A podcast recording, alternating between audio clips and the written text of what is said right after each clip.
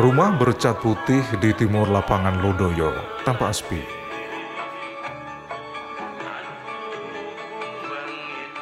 Kamar yang berderet memanjang di samping dan belakang rumah juga seakan tak ada penghuni.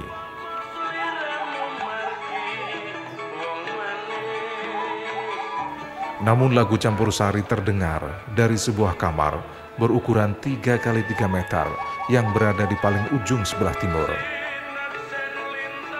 Di kamar itulah Mukanah menghabiskan hari tuanya bersama sebelas manula lainnya. Di rumah itu pula puluhan Jugun Yanfu menghabiskan sisa hidupnya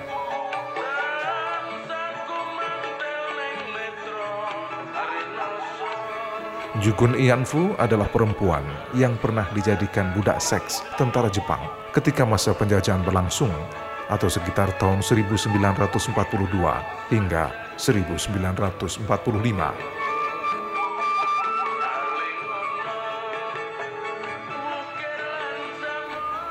Masa penjajahan Jepang selama tiga tahun menyisakan penderitaan luar biasa bagi bangsa Indonesia Bahkan ribuan kaum perempuan di tanah air mengalami kepedihan berkepanjangan. Mereka dipaksa menjadi pemuas nafsu tentara Jepang alias Jukun Yanfu. Dari sekian ratus perempuan yang masih hidup, sebagian menempati Panti Wereda Family di Desa Sukorjo, Kecamatan Sutojayan, Kabupaten Blitar.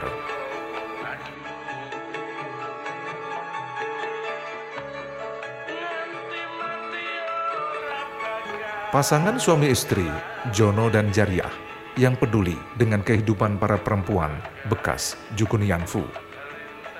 Di sebuah rumah sederhana, Jono 82 tahun dan Jariah 69 tahun sejak 15 tahun lalu merawat belasan Jukun Yanfu dari berbagai daerah di Jawa Timur. Menurut Jono, Jukun Yanfu adalah wanita biasa, gadis remaja atau wanita muda yang dipaksa dijadikan pelampias nafsu seks tentara Jepang. Gadis-gadis Indonesia yang dijadikan penghibur itu umumnya diambil atau dibawa paksa dari rumah mereka karena dijanjikan akan disekolahkan di Jakarta, Surabaya, Bandung, atau bahkan ke Jepang. Dulu kebanyakan anak lurah, anak camat, ditipu muslihat, alasannya mau disekolahkan di Tokyo. Padahal tidak jadi di Tokyo malah didemeni oleh Jepang pada waktu itu tahun 42, 43, 44 dengan penjajahan Jepang selama tiga tahun. Nah, saya sebetulnya dengan Jepang itu juga geting karena perbuatannya tidak senonoh. Menurut Jono, setelah Jepang berhasil membawa para wanita yang rata-rata berumur antara 15 sampai 20 tahun itu, mereka lalu ditempatkan dalam sebuah barak, asrama atau camp di berbagai kota sesuai kebutuhan penjajah. Para Jugun Yanfu saat itu dipaksa melayani kebutuhan seks 10 sampai 25 tentara Jepang dalam sehari. Mbah Sarmu 92 tahun berkisah. Ia dibawa tentara Jepang saat masih berumur belasan tahun. Saat itu ia berada di rumah sendiri karena kedua orang tuanya bekerja di sawah. Tiba-tiba tentara Jepang datang dan mengajaknya pergi di barak tentara Jepang, ia kemudian diperkosa secara sistematis oleh para tentara. Ayahnya beberapa kali menawarkan diri menjadi pekerja paksa untuk menggantikan nasib putrinya, tapi tak pernah berhasil. Ayah saya pergi ke sawah, ibu saya ya pergi ke sawah, cuma sendiri ngomong adik-adik saya. Tidak ada Jepang itu datang, itu mengambil saya. Upamanya bicara Jawa itu Ando saya ada kerja ya nanti saya kerja kerja kerja enak ikut saya itu naik dokan ya. Saya naik dokan lah saya masih kecil gak semprintil tidak pernah naik apa apa saya ikut. Ikut saya langsung datang timur kelentingan itu. Terus saya diajak terus pergi. Datang tempatnya Jepang itu. Menurut pengelola panti Vreda Family, Jariah, panti yang khusus menangani korban kejahatan seksual tentara Jepang itu, didirikan tahun 2002. Berawal dari banyaknya Jukun Yanfu di Jawa Timur yang tidak mendapat perhatian dari pemerintah. Akhirnya ia dan suaminya mencari informasi ke seluruh wilayah di Jawa Timur untuk menemukan bekas Jukun Yanfu yang hidupnya terlunta-lunta. Saya juga uh, ingin sekali uh, memperjuangkan ibu-ibu yang semacam ini yang sekarang masih hidup belum pernah mengenyam kebahagiaan walaupun sudah merdeka ya.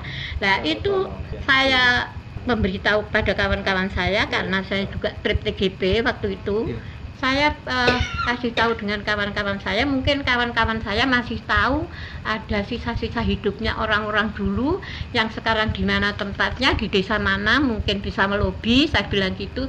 Biar saya nanti turut serta memperjuangkan uh, kepada ibu-ibu yang masih menderita itu. Saya bilang gitu. Lalu banyak sekali yang ke sini ya. Lalu mendapatkan orang 57 orang. Menurut Jariah sulit merawat Jugun Yanfu. Selain umurnya rata-rata sudah sekitar 90 tahun, mereka juga banyak yang mengalami trauma akibat kekerasan seksual selama bertahun-tahun. Tak hanya itu, mengelola panti juga tidak mudah.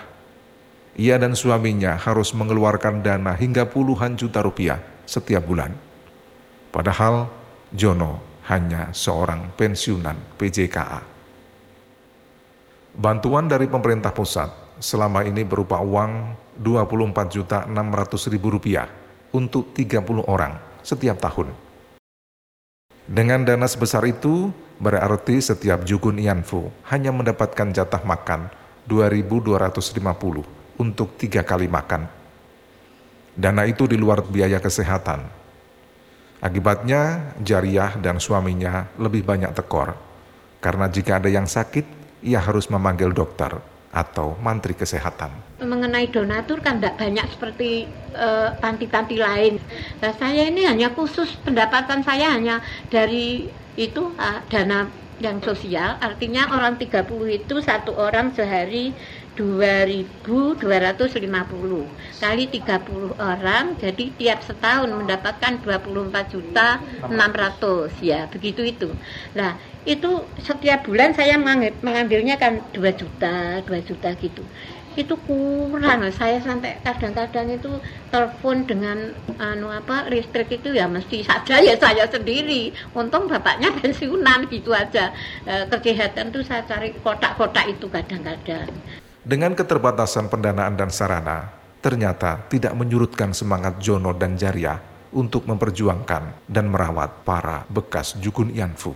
Operasional masalah dana makan. Oh, makan. Dana makan ya dari pemerintah. Kesehatan? Kesehatan ini dana makan toh ini kesehatan saya carikan. Dari mana Pak? Ya saya carikan donatir dari ya masang-masang kota mestor ngemestrator itu. Kalau Pemkap? Pemkap pemerintah kota. Oh, Belum, hanya dulu pada waktu pembelian tanah dikasih oleh Bapak Bupati 4 juta. Ya, untuk membantu, bukannya untuk membayar. Pembayarannya kan 19 juta. Dibantu oleh Pak Bupati 4 juta. Lainnya uang saya, saya belikan ini.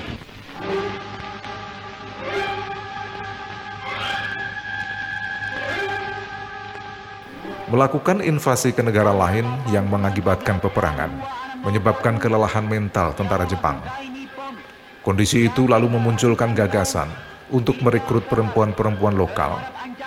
Mereka dibawa ke wilayah medan pertempuran untuk melayani kebutuhan seksual, sipil, dan militer Jepang.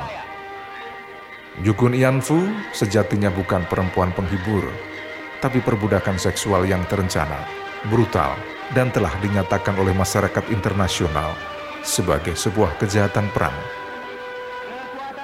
Diperkirakan 200 sampai 400 ribu perempuan Asia berusia 10 hingga 25 tahun saat itu dipaksa menjadi budak seks tentara Jepang. Mereka yang tinggal di Panti Wereda Family hanya sebagian kecil Jukun Yanfu Indonesia yang bisa diidentifikasi, karena sejatinya masih banyak yang belum terlacak keberadaannya. Saya bertemu dengan Koichi Kimura, ia adalah salah satu anggota lembaga swadaya masyarakat di Jepang yang juga seorang sejarawan yang mendalami masalah Jukun Ianfu. Ia mengatakan kasus perbudakan seks yang terjadi tahun 1942 sampai 1943 itu menjadi sejarah kelam bagi perempuan Indonesia dan itu dilakukan oleh bangsanya. Tragedi Jukun Ianfu terjadi di Indonesia pada tahun 1942. Waktu itu 250 ribu tentara Jepang bergerak di tanah air Indonesia ini. Untuk 250 ribu tentara, berapa perempuan diperlukan oleh mereka? Pemerintah Jepang pada waktu itu menjadikan perempuan-perempuan Jawa sebagai penghibur untuk tentara-tentara uh, Jepang yang menduduki di pulau-pulau Indonesia ini.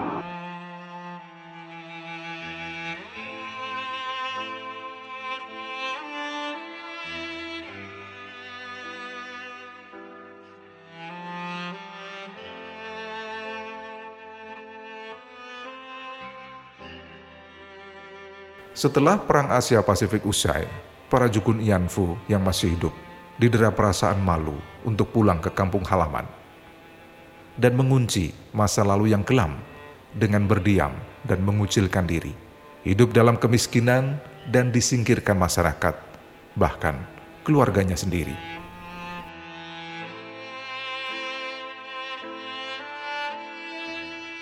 Pemerintah Jepang juga tak pernah mengakui keterlibatan dalam praktek perbudakan seksual itu dan berdalih Jugun Ianfu dikelola dan dioperasikan oleh pihak lain. Oleh karena itu, pemerintah Jepang juga menolak meminta maaf kepada para Jugun Ianfu dan pemerintah Indonesia. Pemerintah Indonesia menilai tragedi perbudakan seks yang dialami oleh para Jugun Ianfu sudah selesai Kasus itu bahkan dianggap sebagai kecelakaan perang. Sebagian pihak bahkan menuduh mereka, para Jukun Yanfu, adalah para pelacur profesional yang diperdagangkan oleh pihak ketiga saat masa penjajahan Jepang. Padahal menurut tokoh pergerakan perempuan Nur Syahbani Kaca Sungkana, perjuangan, patriotisme, dan pengorbanan para Jukun Ianfu tak akan pernah bisa dilupakan dalam sejarah Indonesia. Di tingkat nasional sendiri, artinya di tingkat negara masing-masing, itu adalah menggugah kesadaran publik mengenai hal ini karena mengenai Fu ini seolah-olah sebuah tragedi kemanusiaan yang terlupakan e, itu. Bahkan tidak ada di dalam e, sejarah e, kita. Padahal kalau dilihat mak kontribusi mereka terhadap uh, kemerdekaan ini besar sekali. Dan itu dilupakan. Kan pembelaan atau advokasi terhadap uh, sebetulnya sudah dimulai sejak tahun 92 eh, ketika Ikatan uh, Advokat Jepang it, menghubungi Ikatan Advokat Indonesia yang kemudian uh, menghubungi LBH Jakarta waktu itu masih sebagai direktur saya kemudian melakukan pengangkatan isu ini di Jepang untuk memperoleh dukungan internasional. Nah, setelah itu uh, hampir setiap tahun dilakukan pertemuan-pertemuan uh, uh, baik lobby kepada pemerintah Jepang maupun ke badan-badan uh, PBB uh, lainnya. Dan bahkan pada tahun 93 ketika uh, diadakan konferensi HAM sedunia di Wina itu eh, kelompok-kelompok uh, LSM uh, lakukan uh, advokasi dengan cara uh, membuat uh, women tribunal dan salah satu isu yang diangkat adalah perbudakan seksual pada zaman Jepang itu.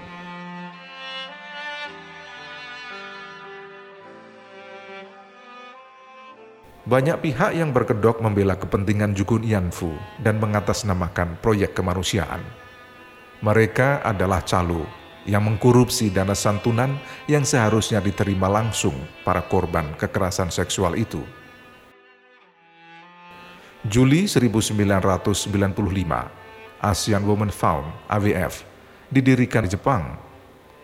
Sejumlah aktivis kemanusiaan berpendapat organisasi itu adalah agen penyuap untuk meredam protes masyarakat internasional dan tidak secara resmi mewakili pemerintah Jepang.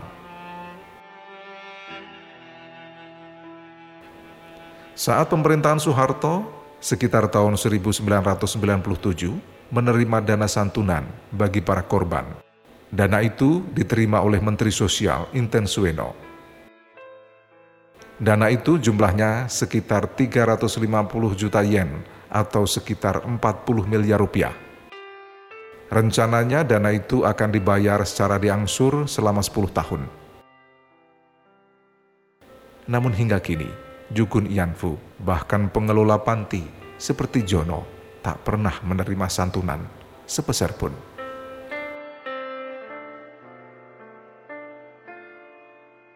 Uang santunan itu hilang dan habis begitu saja, tak pernah tersalurkan pada korban yang seharusnya bukan hanya sekedar diberi pertanggungjawaban secara material, namun juga harus diberi perlindungan dan jaminan atas hidupnya setelah perlakuan kejam dan menghinakan oleh tentara Jepang.